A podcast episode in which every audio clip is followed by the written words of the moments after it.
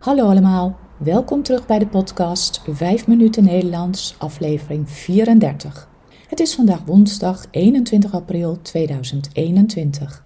Als je de tekst wilt ontvangen van deze podcast, stuur dan een e-mail naar 5minutennl@gmail.com. Mijn naam is Carolien, ik ben taaldocent op de universiteit en woon in Leiden. In deze podcast vertel ik iets over mijn leven, over wat ik de afgelopen dagen heb beleefd of iets over de Nederlandse taal en cultuur. Aflevering 34 Koningsdag. Volgende week dinsdag 27 april is het Koningsdag. Dan viert koning Willem-Alexander zijn verjaardag en dat is een officiële vrije dag in Nederland. Als ik aan Koningsdag denk, denk ik aan overal vlaggen, veel oranje, vrijmarkt en festivals. Maar sinds corona is ook Koningsdag anders dan normaal.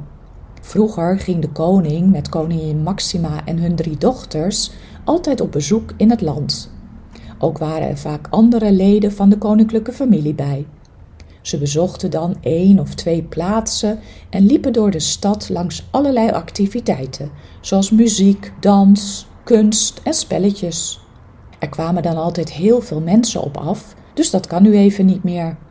Vorig jaar is alles afgezegd en ook dit jaar is er een aangepast programma en vindt een deel van de activiteiten online plaats. In Amsterdam werd Koningsdag altijd groots gevierd. Het begon al de avond ervoor en duurde dan de hele dag door. Jaren geleden werkte ik in de binnenstad van Amsterdam en toen kwam ik op die avond voor Koningsdag om zes uur uit kantoor en ik kon bijna niet naar het station komen. Zo druk was het toen al. Je kon over de hoofden lopen. We noemen dat de Koningsnacht. Er komen ook altijd veel toeristen op af. Ik zal jullie een mooi verhaal vertellen. De moeder van koning Willem-Alexander, koningin Beatrix, vierde haar verjaardag op 30 april, dus drie dagen later. In heel veel toeristengidsen over Amsterdam stond dus dat je op 30 april naar Amsterdam moest gaan om daar feest te vieren. In 2014, één jaar nadat ze was afgetreden, kwamen er dus op 30 april toeristen naar Amsterdam om feest te vieren. Ze waren helemaal in het oranje uitgedost. Maar helaas, ze waren drie dagen te laat. Overal in het land werd ook vrijmarkt gehouden. Je kunt dan een plekje zoeken en daar een kleedje neerleggen of een tafel neerzetten en al je oude spullen verkopen. Vooral voor kinderen is dat erg leuk. Ze kunnen een oude speelgoed verkopen en voor weinig geld meteen weer nieuwe dingen uitzoeken op de vrijmarkt. Wij hebben ook een paar keer zo op de markt gestaan toen Lotte nog klein was. Het was heel gezellig, want je ziet allerlei bekenden en buren langskomen. De meeste mensen trekken op Koningsdag iets oranjes aan. Oranje is de kleur van het Koningshuis, omdat hun achternaam van Oranje is. Als de vlag uithangt voor het Koningshuis, zie je er ook vaak een oranje wimpel bij hangen. Dan weet je nu waarom dat zo is. Traditioneel gezien hebben we op Koningsdag ook oranje gebak bij de koffie.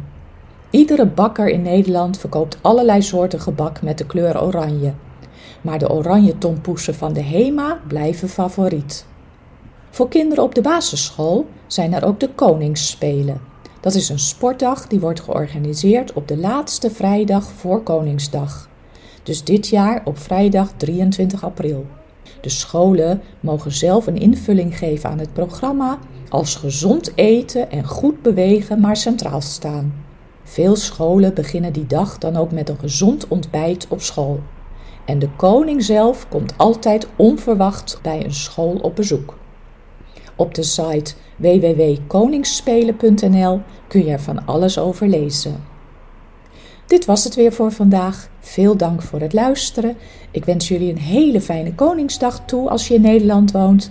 En tot volgende week. Dag!